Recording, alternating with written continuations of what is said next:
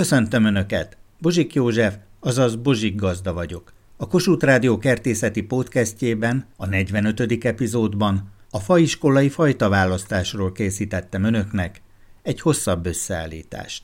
Áfonyát hogyan lehet tenyészteni, milyen körülmények között?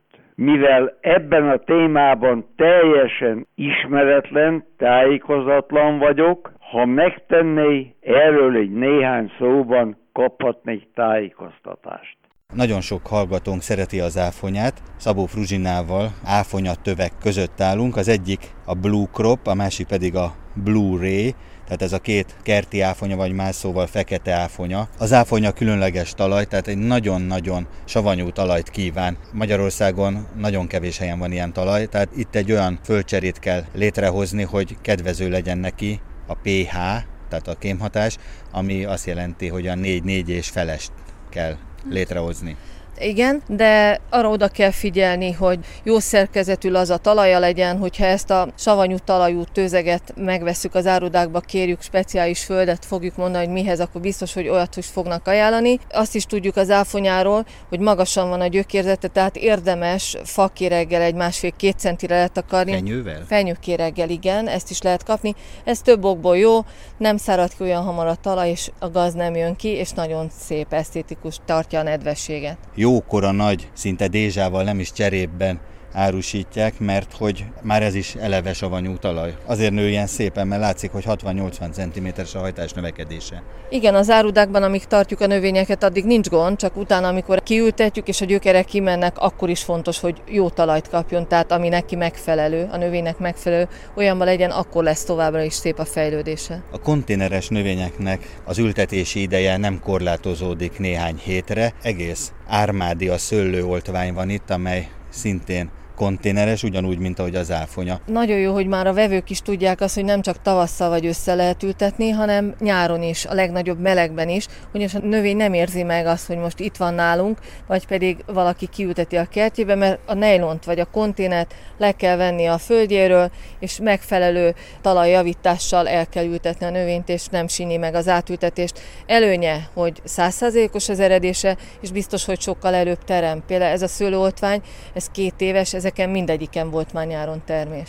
Aki mondjuk több évszázadra előre gondolkodik, akkor a páfrányfenyőt, amely a fiatalság elixírjét tartalmazza, ilyet is ültethet, hiszen ezek bizony több száz évig elélnek vannak fiúk és lányok, ezek is olyan kétlaki növények, mint a kivi, ami szintén a hallgatók kedvencei. Nagyon-nagyon jó a gingó bilóba, a páfrányfenyő, mert nagyon-nagyon szép a formája a fának is, és nagyon igénytelen. Én például láttam Dézsákban több éven keresztül nagyon-nagyon jól kibírták azt a nagyon rossz levegőt, olyan szépen fejlődtek. A kivi gigantikus kivitövek mellett állunk. Egy ilyen 60 literes konténerbe bele van ültetve a fiú meg a lány, tehát itt ez már nyáron termett is. Lehet kapni külön a porzsost is, meg külön a másikat is, külön növényen, tehát külön konténerben.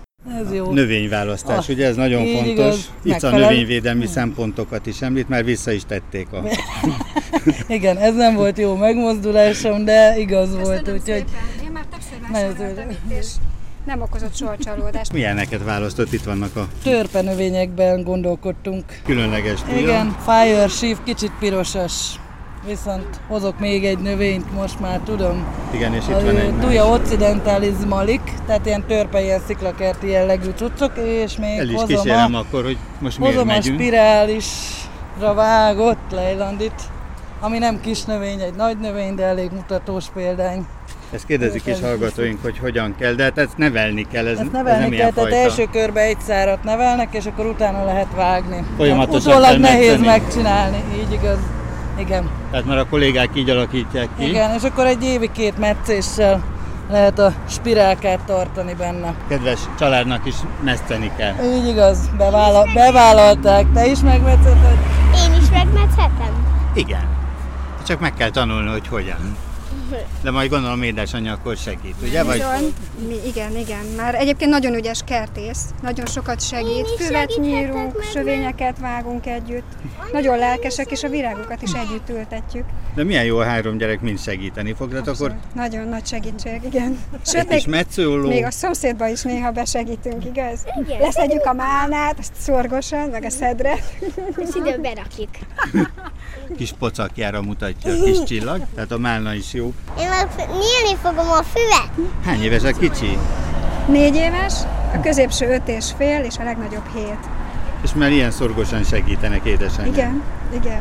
Ez nagy dolog. Már hat vagyok. Lassan hat leszel, igen. Tényleg van folyton termőmálna is, amely a sarjakon is hoz, tehát minden évben rendszeresen és bőven terem, és van a hagyományos málna, amelyik egyik évben csak hajtást hoz, és a második évben terem. Icával konzultáltam, beszéltünk erről a folyton érő Hmm, málnáról. szeretik a gyerekek, mi? A Csak jó hogy, kis ö- folyton érő. De nagyon jó málnafajták vannak, és az előbb hallottam, hogy árnyékos, félárnyékos hely. Az Hm, ajnövényzet. Úgyhogy erdei mehet, növény. mehet, mehet. Hát a félárnyék az biztos, hogy jó. És eleve szereti a nyers talajt. Nem az, hogy nagyon nedves, tehát nem az öntözés szereti, és félárnyékban elméletileg még akár jobb is tud lenni. Tehát jobban tartja a nedvességet félárnyékban a talaj. Úgyhogy meggondolandóan állna. Tehát ugye, mint folyton termő, azért ennek októberig kéne rajta lennie. Klasszikus ugye a blissi, de most már vannak újabb fajták, bár nem, mint hogyha ez rossz lenne. Polka nevezetű. Még ez egy lengyel a polkát fajta. meg is találtam, igen. Nem tudom, valami. De ez is nagyon szép, és ilyenkor lehet is látni, hogy milyen erős a növekedése, jól érzi magát. Csak ugye az a lényeg, hogy ami letermett, azt le is kell majd vágni, tehát majd jövök én is egy metszólóval, és ugye ez itt már letermett, és jöhet a következő hajtás. Azzal kapcsolatban szeretnék érdeklődni, hogy a homoktöv is magjáról szaporítható-e, és hogy az milyen körülmények szükségeltetek ehhez.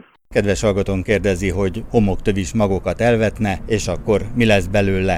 Ugyanis kétlaki növényről van szó, tehát mindegyik is magoncból vagy egy porzós, vagy egy termős példány lesz, tehát ugyanúgy, mint az embernél, az egyik fiú, a másik lány. Most akkor önök itt forgalmaznak például német származású homoktöviseket, tehát meg tudják mondani, hogy ez fiú, ez lány, ez porzós, ez termős, tehát itt biztosra lehet menni, de aki magot vet, Aki magot vett, az igazából a szerencsében bízhat, ugyanúgy, mint ahogy a gyerek vállaláskor, hogy fiú vagy lány lesz, az sokszor nem rajtunk múlik.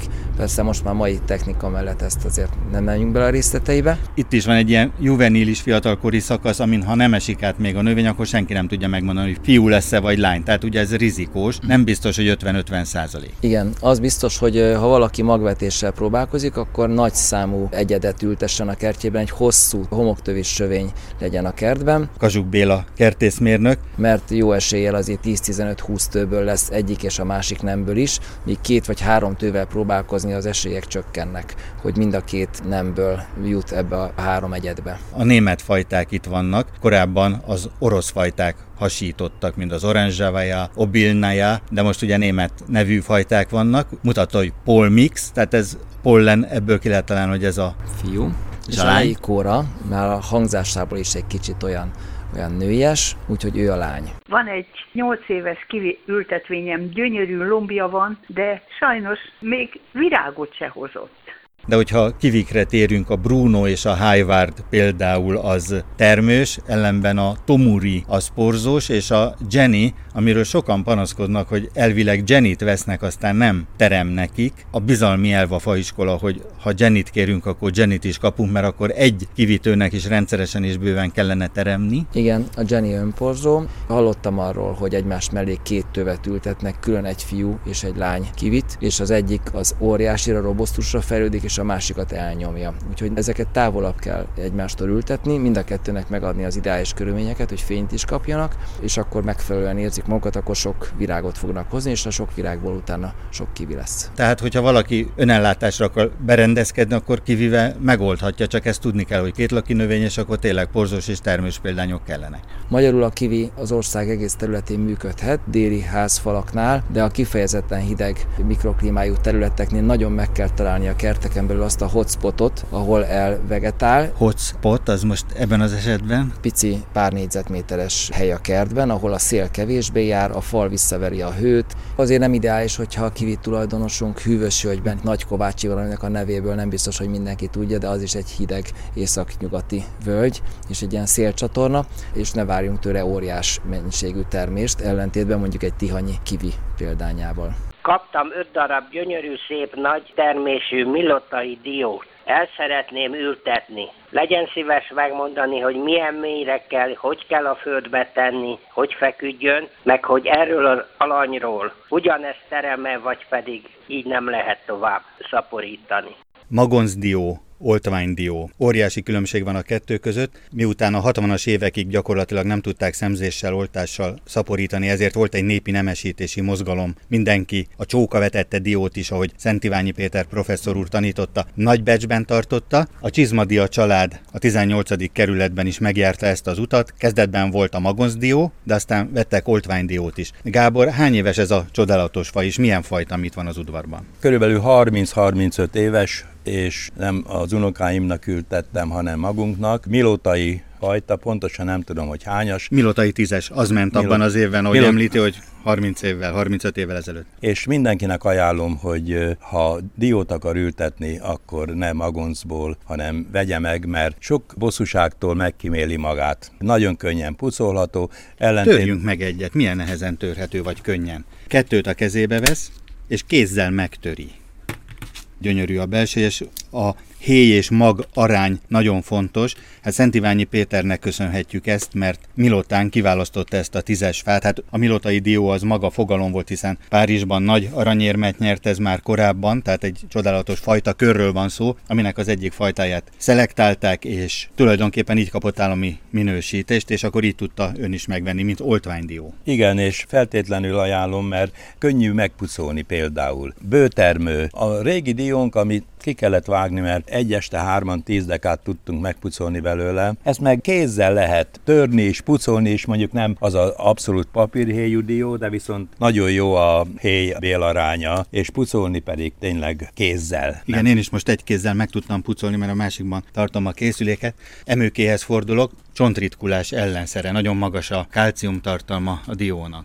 Igen, ezt én is tudom, és igazából nagyon ajánlott az asztalra kis tányérkába pucoldiót kitenni, és jövet menne szemezgetni belőle, mert a csontitkolást nagy mértékben hátráltatja, gátolja, tehát a csontszerkezetbe beépül közvetlenül, és ezáltal nagyon hasznos. Mindenképpen lányoknak is, de még a fiúknak is, mert nem árt, ha ők is jó csontozatúak. Ugye az utánpótlásról gondoskodni kell, és mindenkinek nagyon-nagyon hasznos emiatt csonterősítő. Nagyon látványos is, hogy egészben marad a belső rész része. Igen, szinte egybe ki lehet szedni a négy lakóját, a, ugye mondják, hogy négyen laknak benne. Most igaz, azt szeretném megkérdezni, hallottam a reggel, hogy lehet kapni olyan diót, amit nem az unokánknak, hanem magunknak ültetünk, hogy ezt hol lehet kapni. Az oltványdiók iránt óriási a kereslet, ezért össze lehet nagyobb biztonsággal kapni, és akkor nagyobb a választék is. Ilyenkor már a szabadgyökerű példányok általában elfogynak, illetve a netkeringés megindulása után a konténeres oltványdiók ültetése az igazi. Ezek egyébként drágábbak, mint szabadgyökerű társaik, viszont száz százalék, hogy megerednek. Több budapesti faiskola is forgalmazza a dioltványokat konténerben, vagyis cserében, illetve számos helyen az országban. De ha éppen kifogyott volna, akkor biztosak lehetünk abban, hogy őszre újra lesz szabadgyökerű változatban is oltványdiónk. Dr. Szentiványi Péternek, a hazai diókutatás nagyöregének, professzorának köszönhetjük, hogy meghonosította hazánkban a dióoltását, és ma már nem az unokáinknak ültetjük a diófát, az oltványdiófát, hanem önmagunknak, hiszen az oltványdiók szemben a magoncdiókkal azonnal teremnek. Sokszor már a faiskolai ültetvényekben is megmutatják első terméseiket. Az önök műsorában elhangzott egy régi almafajtának a neve, úgynevezett bőralma. Milyen néven lehet ezt jelenleg megtalálni kertekbe, csemetekertekbe, illetve árudákba, és hol? Sajnos a bőralma jelenleg nincs benne az államilag elismert fajták sorozatában, így nem forgalmazzák. A bőralma népi megnevezés, mert a héja tényleg olyan ennek az almaféleségnek, mintha bőrből lenne. Igazi neve Parker Pepin, egy nagyon régi almafajtáról van szó. Meg lehet rendelni a szaporítását, ahol a nosztalgia fajtákat leszemzik névre szólóan, de vissza kell vásárolni valamennyi megerett oltványt, illetve ha tudunk ilyen anyafát, bőralmát, akkor augusztusban önmagunk is leszaporíthatjuk, ha addigra nevelünk alanycsemetét, vagy olyan almafánk van otthon, amelyiknek az egyik erőteljes veszélyébe be tudjuk szemezni jelen esetben a bőralmát, illetve augusztusban majd a szemzőhajtásokat egy adott fáról be tudjuk szerezni, hogy a szemzést ilyen módon el tudjuk végezni. Találtam két régi almafát, amit nagyon kedvelünk. Sikerült azonosítani, az egyik az ananász renet, a másik meg cigányalma. Az lenne a kérdésem, hogy lehet-e ilyen alma fákhoz csemetét kapni még valahol, ha pedig nem lehet, akkor hogyan lehetne ezt megőrizni, ezt a két régi és nagyon kedvelt almafajtát? Kedves hallgatóink körében óriási érdeklődés látható a régi almafajták iránt, tehát a nosztalgia fajtákat keresik, és dr. Szani Zsolt, a Nébi témavezetője, aki a régi fajták mestere, egyáltalán milyen lehetőségek kínálkoznak arra, hogy a régi fajtákat újra termesztésbe vonjuk. Egyes intézmények, faiskolák felkarolták a tájfajták ügyét, és ismét szaporítják ezeket. Gyakorlatilag díjtétel nélkül lehet regisztrálni a tájfajtákat, ami egy jelentős könnyebbség olyan fajták esetében, akik már a nagyüzemi termesztésben elvesztették a jelentőségüket, de házi kertben szívesen őrzi meg, ülteti újra bárki. Régi értékek, jászvadóka, jolánka is, hogy lapozunk, kecskeméti vajalma, tehát hogyha csak most az almák világában maradunk, és a régi almafajták között az egyik vezető, kedves hallgatóink tudatában is a pónyikalma. Itt van előttünk a kép, picit elnagyoltan a golden almára emlékeztet, amikor még zöld, tehát ilyen zöldes-sárga? A színe mindenképpen, hiszen egy zöldes-sárga színű alma, az alakja lapított gömbölyded alakú almáról van szó. Kármán körte, vagy Kálmán körte, ennek van két változata, amely talán közismertebb a nyári Kálmán körte, de van téli Kálmán körte is. Korábban a téli körtéket nagyon sokra becsülték, sőt van egy ma már elfeledett körtecsoport is az úgynevezett főzőkörték. Ezek a körték rendkívül hosszan tárolhatóak, hiszen az utóérési folyamat nem, vagy csak nagyon későn indul be náluk, ezért egyszerű körülmények között is könnyen tárolhatók voltak, főzéssel tették fogyaszthatóvá őket. Egyik kedves hallgatón kérdezte, hogy búzában tárolták a körtét. Gondolom, hogy kutatásai folytán ezzel is találkozott. Hogyan kellett búzában tárolni? Árpánérő vagy búzánérő jelző azt jelenti, hogy télire gabona közé tárolták be ezeket a gyümölcsösöket, a gabonaláda teteje felé szépen kisorolták a gyümölcsöt, és erre még öntöttek egy vékony rétegben gabonát. Ez elősegítette a tárolhatóságukat. Ez azt jelentette, hogy például az ilyen kései körtéket, akár a főzőkörtéket, vagy a nagyon kései érési körtéket, mivel a gabona is lélegzik, tehát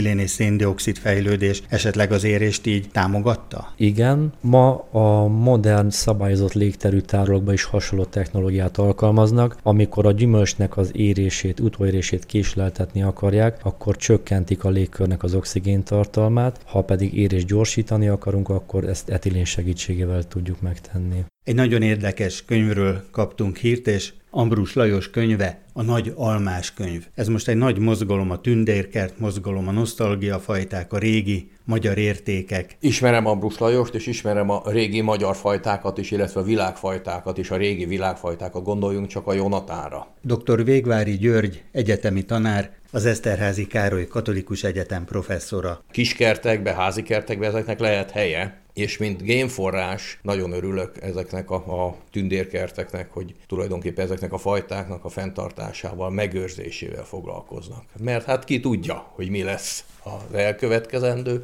és keresztezési alapanyagként esetleg ezekhez hozzá lehet a későbbiekben nyúlni. Legendás mesterek, hiszen professzor úr a Kertészeti Egyetemen is tanított, Ensz Ferenc, aki megalapította a Kertészeti Egyetemet, Berecki Máté, aki szintén a szabadságharc hőse volt, és hatalmas pomológiai munkával, több száz fajta hihetetlen részletes fajta leírásával adott értéket mind a mai napig a kertészeknek, vagy itt van Jókai Mornak is szentel Ambrus Lajos egy fejezetet, és ugye a Jókai Kora, Jókai Bora, Jókai Kert mind a mai napig fennáll, és érdemes azért ezt akkor így tudni tradicionálisan, kultúrhistórikusan, hogy milyen értékeink vannak. Tehát ugye ezek a legendás nevek erre mutatnak.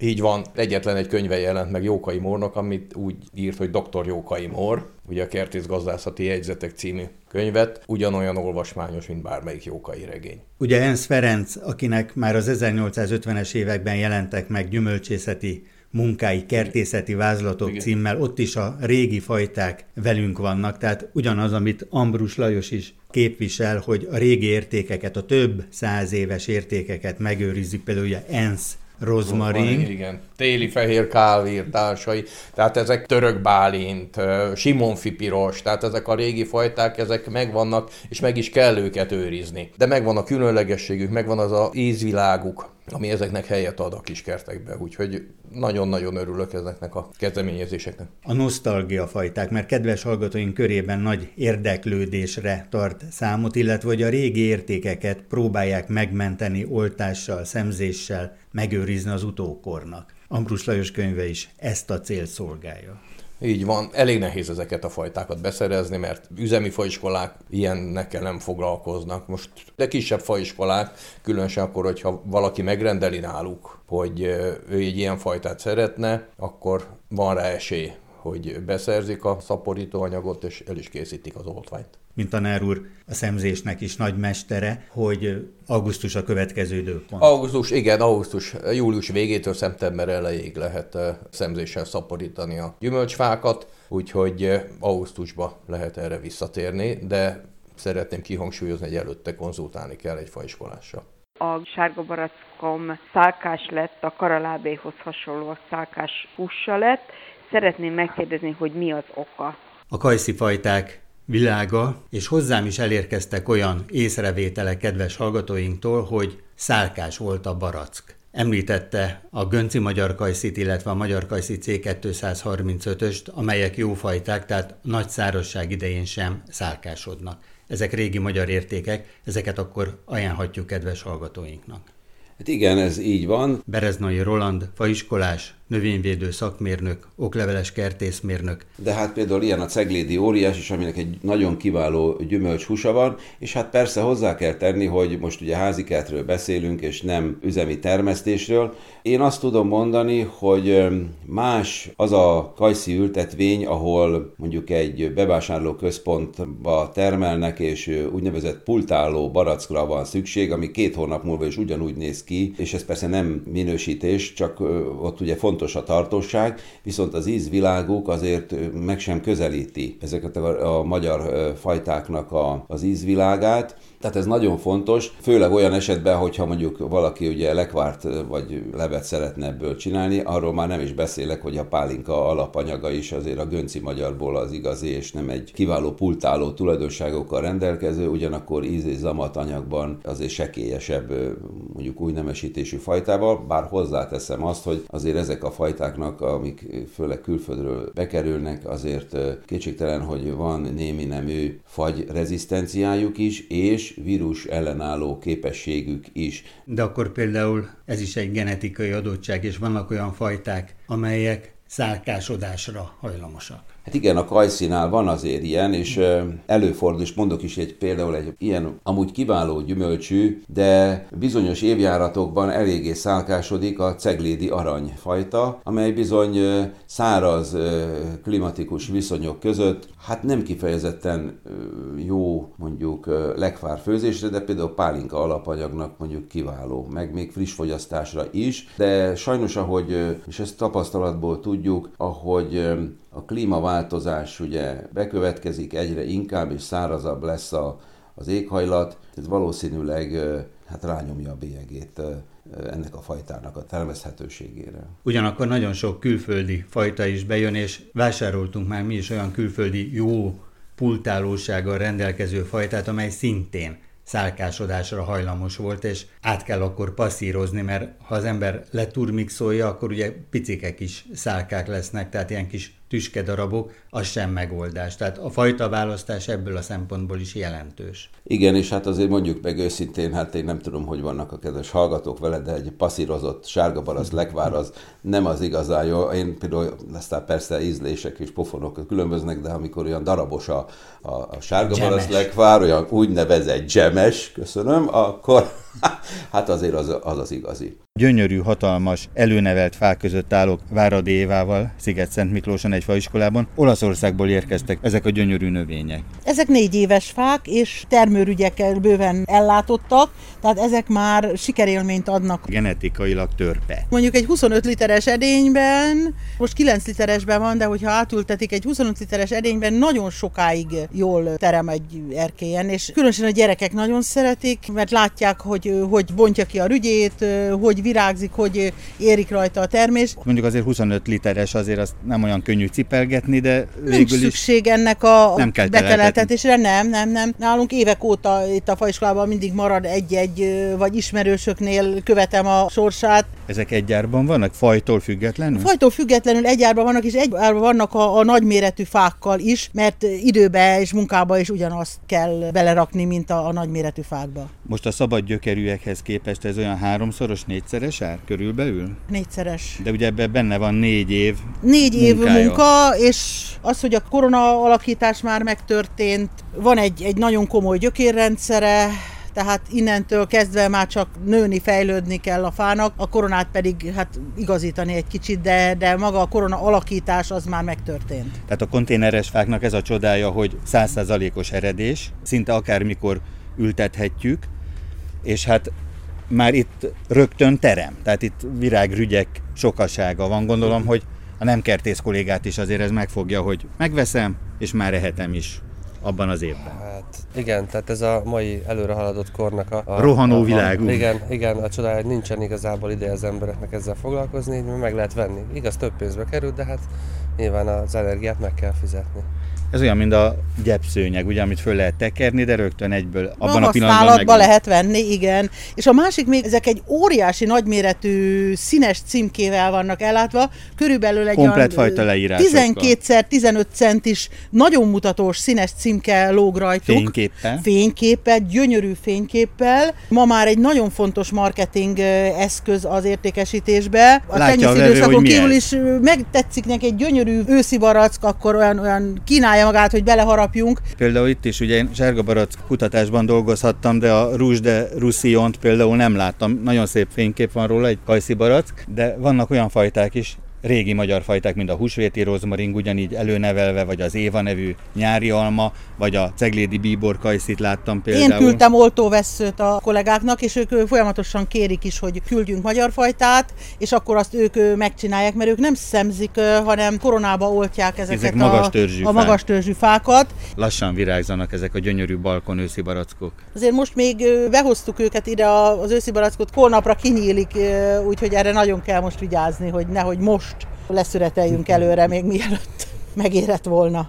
A rózsák világa, te a rózsa hibridek. A konténeres, akkor rögtön látjuk a színét, megérezzük az illatát, ugye a színét el se tudjuk téveszteni. Keresik, hogy illatos legyen az a rózsa. Végig szaglásszák a kedves vásárlók a rózsaszint, a pirost, a sárgát, a rózsaszint árnyalataiban mindegyiket, és amelyiknek a legjobb illata van, utána kezdenek választani, és akkor ott keresnek egy olyat, amelyik jó állású a rózsa. Hát egy te a rózsánál nincs szebb, akár egyforma színben, akár mind más színben. Csodálatos, majdnem egész nyáron virágzik, nem kell bevinni télen, jó tápanyagos talajba kiültetjük, majdnem egész nyáron virágzik, olyat kell választani. Ha valakinek csak olyan helye van, hogy rézsűbe, akkor viheti a talajtakaró rózsát. Budaörs határában beszélgethetek Szabó Fruzsinával, és itt volt egy legendás nagymester a környéken. Már Gergely. Már Gergely, világhírű magyar rózsanemesítő, nagyon sok magyar történelmi személyiségről nevezett el rózsát. Azok a rózsák, amik most Európában vannak, annak az ősei pontosan Indiából, Kínából,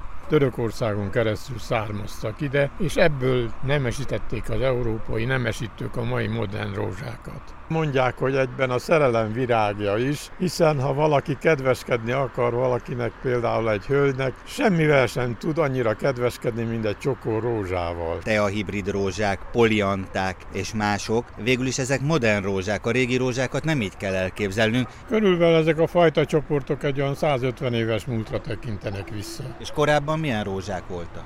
vadrózsák, amelyek szépen mutattak, mint például a róza centifólia, amiből nagy tömeget állítottak elő és használták föl már a szírmait a rózsaolaj készítésére, azok domináltak.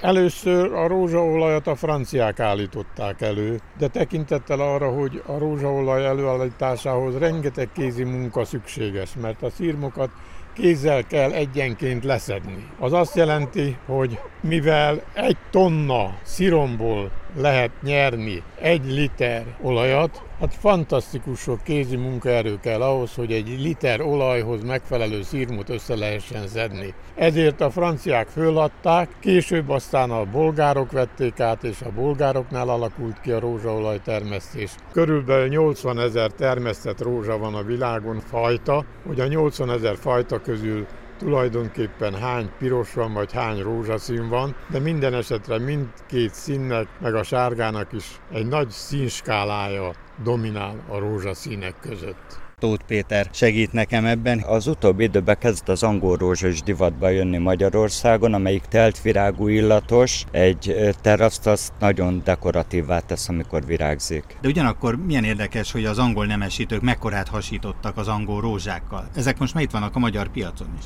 Onnan lehet tudni, hogy az magyar rózsa, vagy angol, vagy francia rózsa. Licenzíjat kell fizetni, és ez jóval drágább, mint a mi rózsáink. Szerintem tudnak annyit, de amikor ezek bejönnek, ezek kicsit kockás kicsit előkelőbb cserébe van, meg előkelőbben vannak beültetve, de szerintem egy-két éves korában, hogyha ugyanolyan minőségű talajba és ugyanolyan törődéssel foglalkozunk vele, akkor vannak olyan rózsák, tehát vannak olyan szépek. Rengeteg pénzt beletettek, hogy az angol rózsákat favorizálják. Igen, mindegyik eh, cserében van, olyan színűben, majdnem talán, mint az a rózsának a virága lesz, mindegyik külön etikettel, van ott egy ór, rajta vannak csillagok, a négyes a legillatosabb, tehát érdemes megnézni a táblákat is, erre odafigyeltek. Hát szerintem előbb-utóbb mi is el fogunk odaérni, hogy mi is többet fogunk költeni magára az előállítására, és amikor eladjuk, hogy csomagoljuk azt a rózsát, hogy adjuk el. Dr. Szentiványi Pétertől hallottam még korábban, hogy a természetet nem lehet becsapni. Nem tudom, hogy erről van-e szó. Egyik kedves hallgatónk telefonált. Érdeklődni szeretnék, hogy van nekünk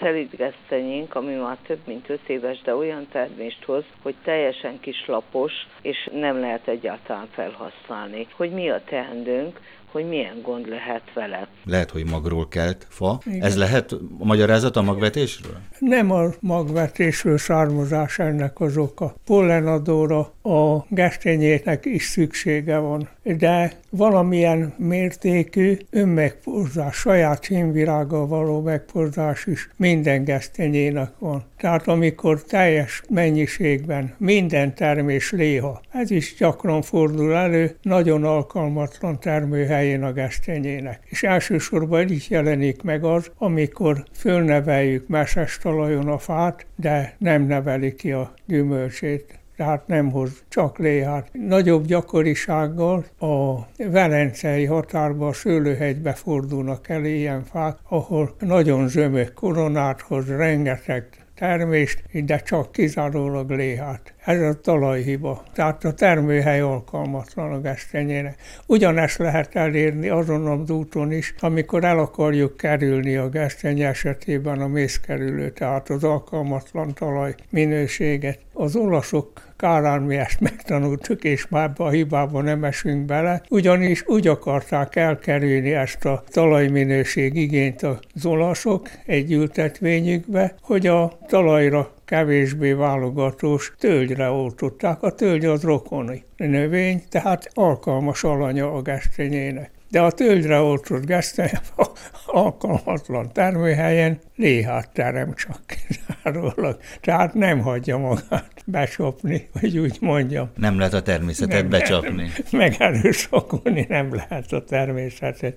És a gesztenye az különösen vigyáz magára, hogy ne éljenek vissza a jó szándékával. Ez döbbenetes, mert éppen föl is írtam a kérdést, hogy a tölgy alany az megoldás lehet-e? Arra igen, hogy fölnevelheti olyan helyen. Nem lesz szép fa belőle, nem lesz nagy fa belőle, mert az összeférhetősége az azért ugye nem egészen ugyanaz, mint a saját faja, de megér rajta és nem száz évekig természetesen, de nem lehet ezzel megoldani azt, hogy kiterjesszük a gesztenyének nem alkalmas termőtájakra is a termesztését. Tehát akkor Alföldön ne kísérletezzünk vele, a lúgos homoktalan. Igen, ott nem érdemes, mert nem kaphatunk kielégítő eredményt, még akkor se, ha föntarthatunk fát. Még díszfának is nagyon alkalmas a kesztenye. Igen, de erre is érvényes Domokos professzorunk véleménye, hogy melyik a legszebb növény, amelyik jól érzi magát. Kedves hallgatóink, van egy éjjel-nappal működő üzenetrögzítő, ezen várom az önök kertészeti kérdéseit, amelyek alapján készítem el az újabb összeállításokat. A telefonszám a következő 061 328 73 00. Várom Önöket egy újabb epizóddal a Bozsik Gazda Podcastben.